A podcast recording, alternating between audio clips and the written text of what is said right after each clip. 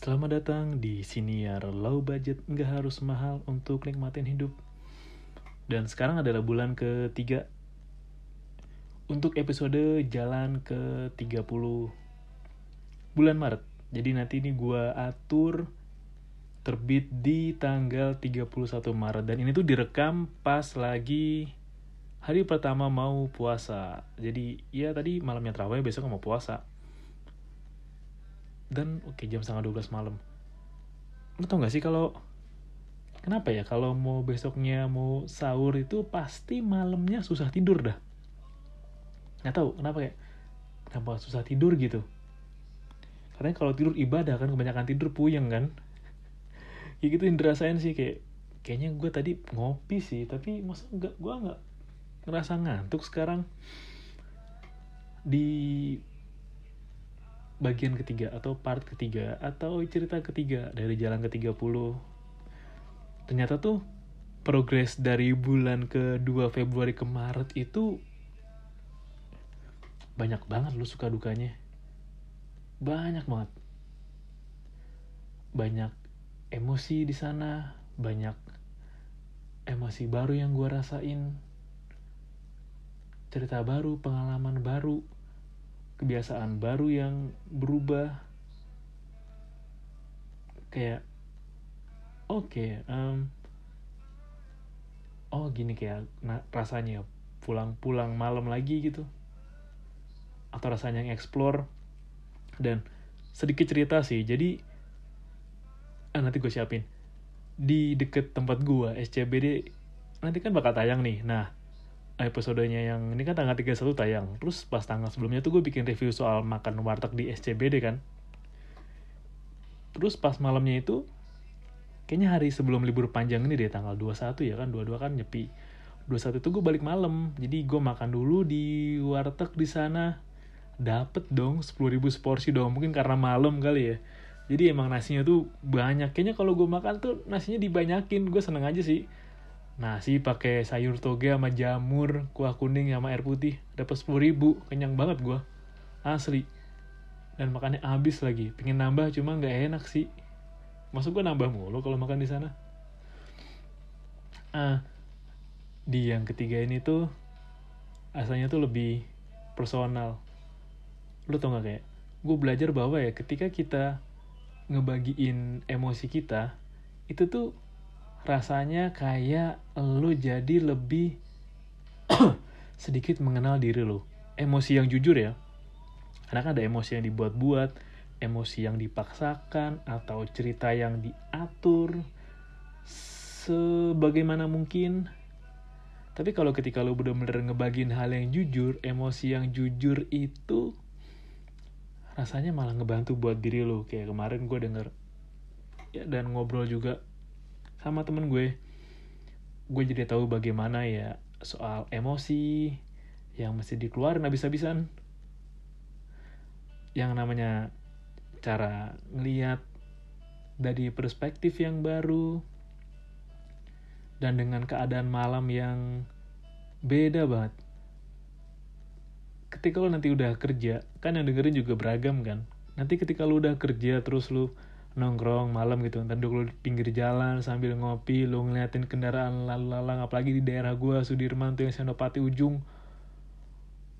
Pas mau libur panjang jam setengah sebelas aja masih rame lu jalan masih macet lu. Gila orang seneng banget kali menghibur dirinya. Gue nggak tahu deh gue nggak pernah party di SCBD dan gak tertarik juga sih di Senopati sih. Gue mulai kebayang kayak kayaknya gue kalau nongkrong di tempat yang ajab-ajab gitu kayak eh enggak deh kayaknya gue suka nongkrong di warkop aja deh. Sambil ngopi gitu sambil nyemil-nyemil gorengan atau makan nasi goreng pinggir jalan. Gue pasti kayak gitu sih kayak enggak deh enggak. Tapi kalau ada ya di endorse nggak apa-apa juga sih. Terima-terima aja lah. Nah ini sedikit banyak mengena juga mengena sih tentang apa yang terjadi dari Februari sampai Maret. Dan nanti di setelah tanggal 31 Maret di post tanggal berikutnya juga masih nyambung juga soal ini. Jadi rekaman itu yang buat tanggal 31 tanggal 2 atau 3 ya gue lupa sih. Oh tanggal 3 nah 31 nya itu gue rekamin tinggal 3 dulu 3 April terus tanggal 31 Maret. Nah gue belajar bahwa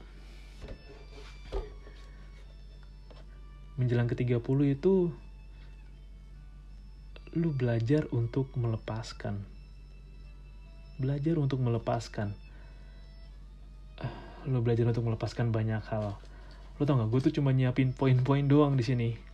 Karena gue pengen berbagi sesuatu yang yang deket dengan gue yang mungkin juga deket sama lo mungkin juga lo nanti akan ngalamin di fase itu atau mungkin ada teman lo yang ngalamin di fase yang lagi gue rasain lo mesti belajar namanya melepaskan. Entah itu melepaskan ekspektasi lo lo belajar untuk melepaskan hal yang nggak perlu sebenarnya buat lo terutama soal barang-barang. Nanti gue bahas deh. Lu belajar untuk melepaskan diri dari hal yang nyusahin gue doang nih. Ini kayaknya ngerepotin gue doang deh dan terakhir lu belajar untuk melepaskan diri lu sendiri ini deket banget nanti gue juga akan cerita banyak aspek sih soal belajar melepaskan. Terutama melepaskan hal yang emang selama ini tuh lu terbiasa dengan itu. Kayak gue juga terbiasa dengan ini, dengan itu. Terutama melepaskan soal ekspektasi. Gue tuh gak pernah, kalau dulu gue membayangkan ada aksi, ada reaksi. Kayak misalkan gue post apa, berharap reaksinya apa gitu kan. Atau namanya mungkin ngetes pasar, tapi atau ngetes sesuatu lah, ngetes keviralan mungkin kalau sekarang ngetes seberapa viral kalau dilakuin. Atau mungkin kayak pengen tahu gitu kayak, ini oh berharap orang itu bisa baca isi hati lu dan melakukan seperti apa yang lu mau. Atau juga lu mulai berharap bahwa kalau gua melakukan A hasilnya harus B. Itu ketika sekarang itu aduh enggak lagi. Kayak enggak berekspektasi dan enggak pasrah juga. Ada tengah-tengah. Karena kan emang manusia itu unik ya unik banget. Gue sih nggak bisa cerita contoh uniknya. Ada yang deket beberapa kejadian ini tapi enggak deh. Kayak lu pernah nggak sih kayak gini deh? Misalkan nyokap lu minta lu ke warung nih beli garam dong gitu kan. Oke okay lah lu beli garam nih lu balik ke rumah diomelin karena lu beli garamnya yang enggak beriodium kebayang nggak? Lu disuruh malu lu beli garam. Oh ya kayak beli garam. Oh garam ya. Garam semua garam adalah sama. Lu beli balik nyampe rumah beli garam diomelin karena bukan garam yang beriodium bukan yang ada laba-laba itu gambarnya. Kayak ekspektasi itu enggak deh kayak gue melakukan hal emang karena gue mau karena gue suka karena gue seneng karena memang tanggung jawab gue karena memang itu sudah harus gue lakukan wajib gue lakukan. Harapannya apa? Ya biasa aja. Gue nggak berekspektasi gimana nggak membayangkan gimana. Gue hanya melakukan apa yang gue lakuin yang harus wajib dan seneng plus suka untuk gue ngelakuinnya. Hasilnya bagus oke okay, gitu kan? Itu adalah bonus.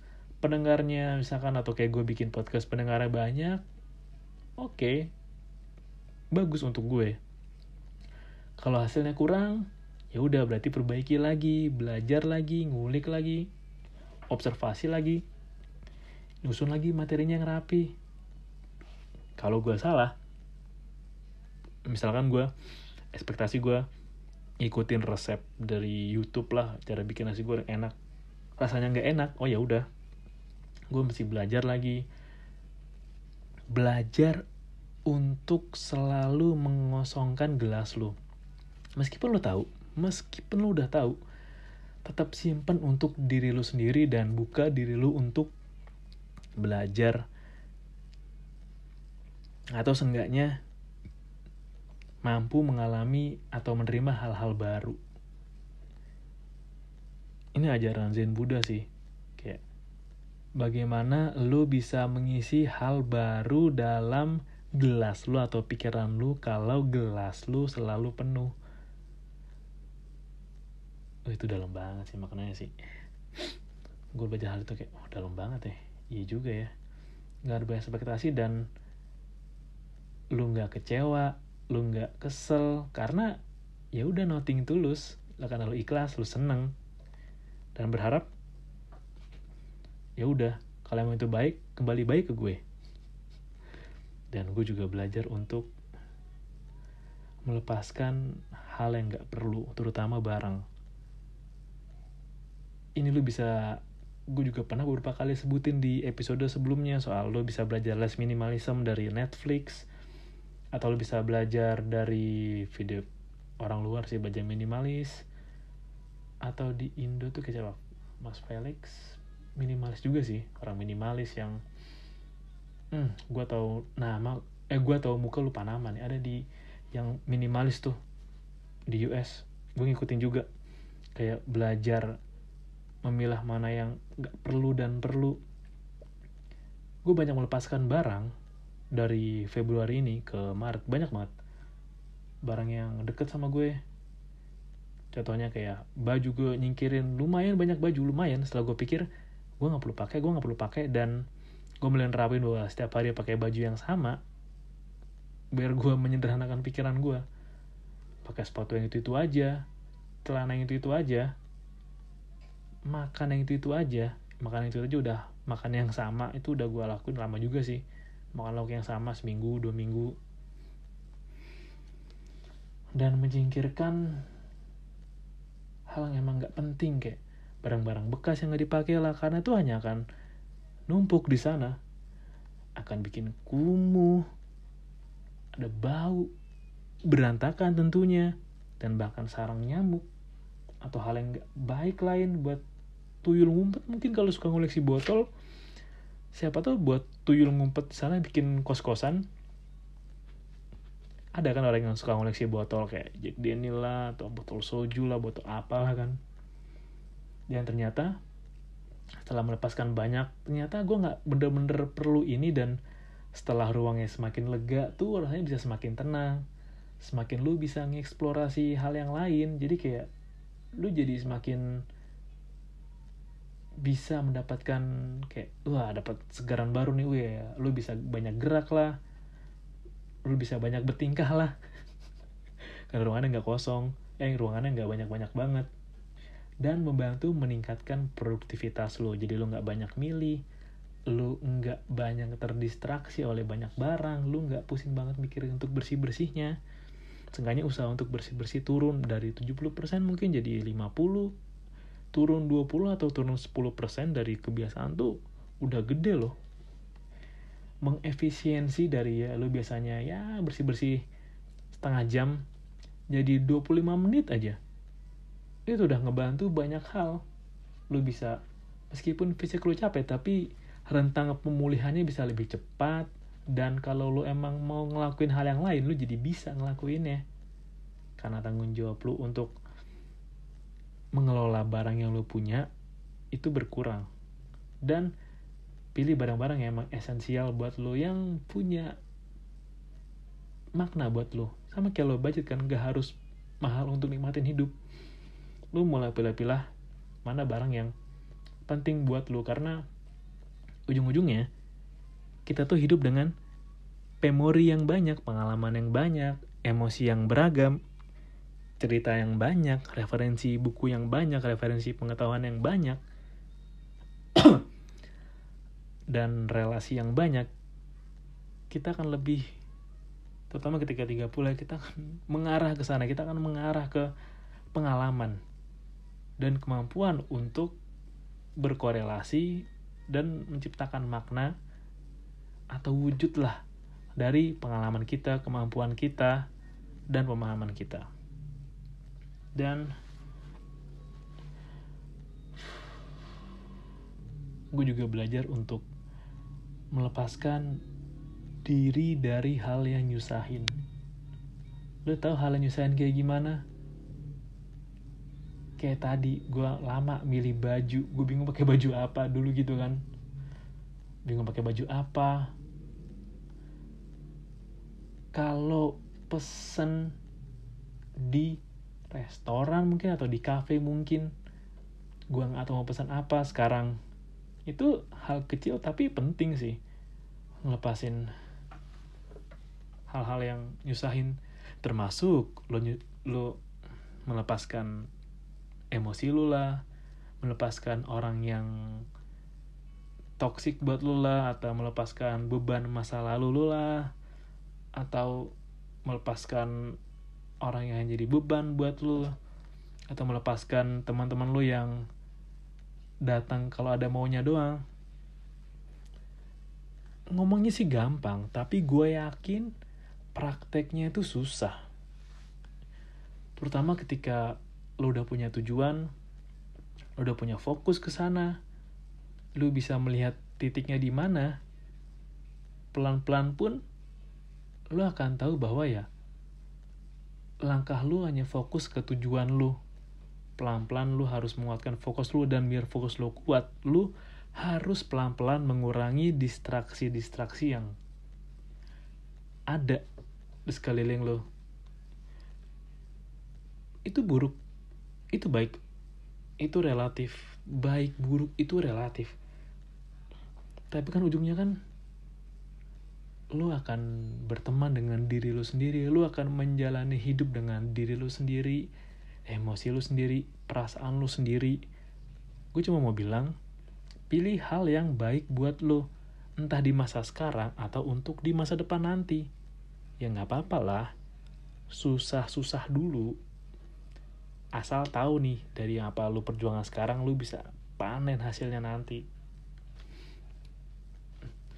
Kayak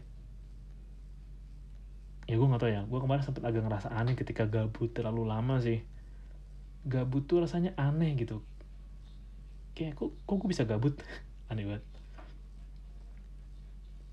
Atau lu bisa melepaskan hal yang nyusahin tuh kayak lu lama pilih-pilih barang. Lu nyari bengkel yang lama. Bahkan kalau lu mau servis motor lu cari bengkel yang pelayanannya lama lah mesti ini itulah. Terus lu kalau ke mana bawa barangnya banyak lah ribet lah. Atau kalau lu mau oh misalkan lu mau makan nih kan ada yang ah tolong saya mau nasi goreng tolong telurnya diceplok setengah mateng nasi gorengnya pedes pakai sambal setengah sendok makan ya. Nggak pakai micin juga sama telurnya nggak pakai dan bawang gitu. Kalau terlalu ribet tuh nyebelin sih. Oke gitu. Oke membeli adalah raja tapi nyebelin gitu. Kalau bisa sederhana kan ya udahlah toprak sedang oke okay, gitu. Nggak pakai ini oke. okay ah, nasi goreng kayak telurnya dipisah ya. Ceplok. Nggak pedes. Oke okay, gitu sesimpel itu. Atau gue coba ambil contoh yang deket. Oh melepaskan diri dari nyusahin tuh contoh yang paling deket adalah enggak bela-belain bucin demi orang yang perasaannya masih satu arah. Hanya lo yang suka, dianya enggak. Tapi lo bucin. Kan ada tuh kan yang cowok yang aku rela nganterin kamu berjuang demi kamu misalkan eh, Jakarta Solo Jakarta Bogor. Bukan nggak jauh Jakarta Solo Jakarta Surabaya biar bisa ketemu kamu sehari tuh besoknya pulang lagi. Aku rela pinjem duit pinjol buat kamu biar kamu bisa beli ini beli itu. Aku rela nggak dengerin nasihat orang tuaku agar aku bisa sama kamu terus. Itu hal nyusahin kadang nyusahin tau. Menurut gue nyusahin sih kayak orang tua sebenarnya tahu apa yang baik buat lu tapi lu aja batu. Lu nggak mau dengerin karena lu yakin pemahaman lu bener. Dengerin kejedot aja pusing. Dan yang terakhir lu juga. Ini gue barusan. Nggak tau kenapa gue tiba-tiba tuh pengen nontonin loh kayak Steve Harvey Harvey Harvey Harvey kali ya? Steve Harvey Steve Harvey. Harvey Harvey Steve Harvey. Susah banget ngejanya ada quote yang bagus Steve Harvey tuh quote-nya tuh bagus-bagus banget. Udah tau lo kadang mesti ngelepasin diri lo lo mesti tahu bahwa ada sesuatu yang lebih besar dibanding diri lo di sana dan itu adalah Tuhan lo. Lo mesti berdoa. Lo mesti tahu bahwa lo bisa sampai di sini itu karena campur tangannya Tuhan bukan cuma lo sendiri. Tuhan tuh nitipin lo atau bawa lo ke sini agar lo ngelakuin ini. Lo mesti tahu bahwa lo nggak bisa segalanya sendiri. Ada Tuhan gitu yang menyertai setiap langkah lo dan doa keluarga lo yang mendukung lo dan percaya lo bisa. Lo mesti tahu bahwa berdoa itu membantu lo sih dan tadi ada cuplikan yang bagus dari Steve Harvey dia bilang kayak Tuhan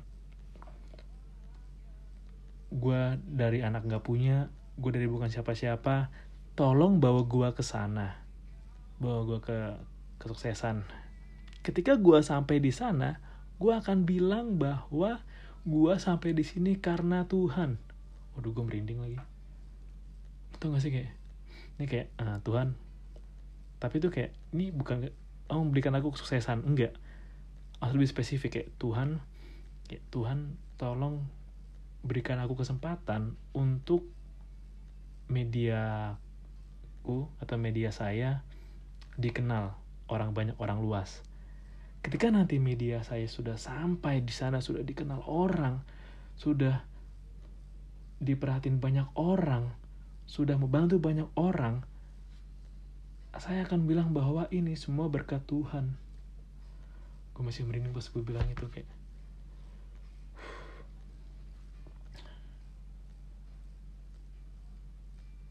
peran Tuhan tuh banyak banget dalam lini kehidupan kita. Banyak banget. Gue gak tau kenapa ada orang yang dulu kayak Fir'aun Jumawa. Mungkin dulu kalau Fir'aun punya Youtube, mungkin kalau zamannya Fir'aun ada TikTok mungkin dia akan kayak hmm ternyata ada yang lebih berkuasa dari saya hmm ternyata ada juga kalau ternyata ikan pari itu adalah manusia yang dikutuk lu mesti belajar melepaskan. Gue udah mulai belajar melepaskan hal yang berat bikin gue berat melangkah dan buat gue adalah tujuan yang utama. Melepaskan hal yang nggak perlu gue perhatiin melepaskan hal yang nggak perlu gue fokusin itu ngebantu gue banget. Gue bisa berfokus pada apa yang jadi tujuan gue gue bisa berfokus pada apa yang bikin gue bahagia gue bisa berfokus pada orang-orang yang berperan penting dalam hidup gue dan akan menjadi peran penting dalam hidup gue itu ngebantu banget ngebantu banget gue seenggaknya sedikit lebih mudah menjalani kehidupan orang dewasa yang pelik ini. Pelik jadi orang dewasa, men. Mana kata jadi orang dewasa itu enak? Nggak enak, gila. Iklan tahun berapa itu? Kalau iklan zaman dulu, ya dem iklan. Tapi kalau realita, berat. Gue gak tau deh. Ini sih yang tadi gue bilang itu apa yang gue rasain. Mungkin lu ngerasain itu juga atau lu di usia yang 30 lewat lu pernah ngerasain kayak gue juga dan buat lu yang masih dengerin yang masih usia 15, 18, 20 nanti ya semoga lu gak ngerasain kayak gue sih seenggaknya lu udah denger apa yang pernah gue bilang dan lu gak ngerasain kayak gue karena lu udah belajar banyak dari yang gue dengerin dan jangan lupa cari referensi lain biar pengetahuan dan sudut pandang lu lebih banyak Terima kasih udah dengerin episode kali ini dan salam low budget. Nggak harus mahal untuk nikmatin hidup.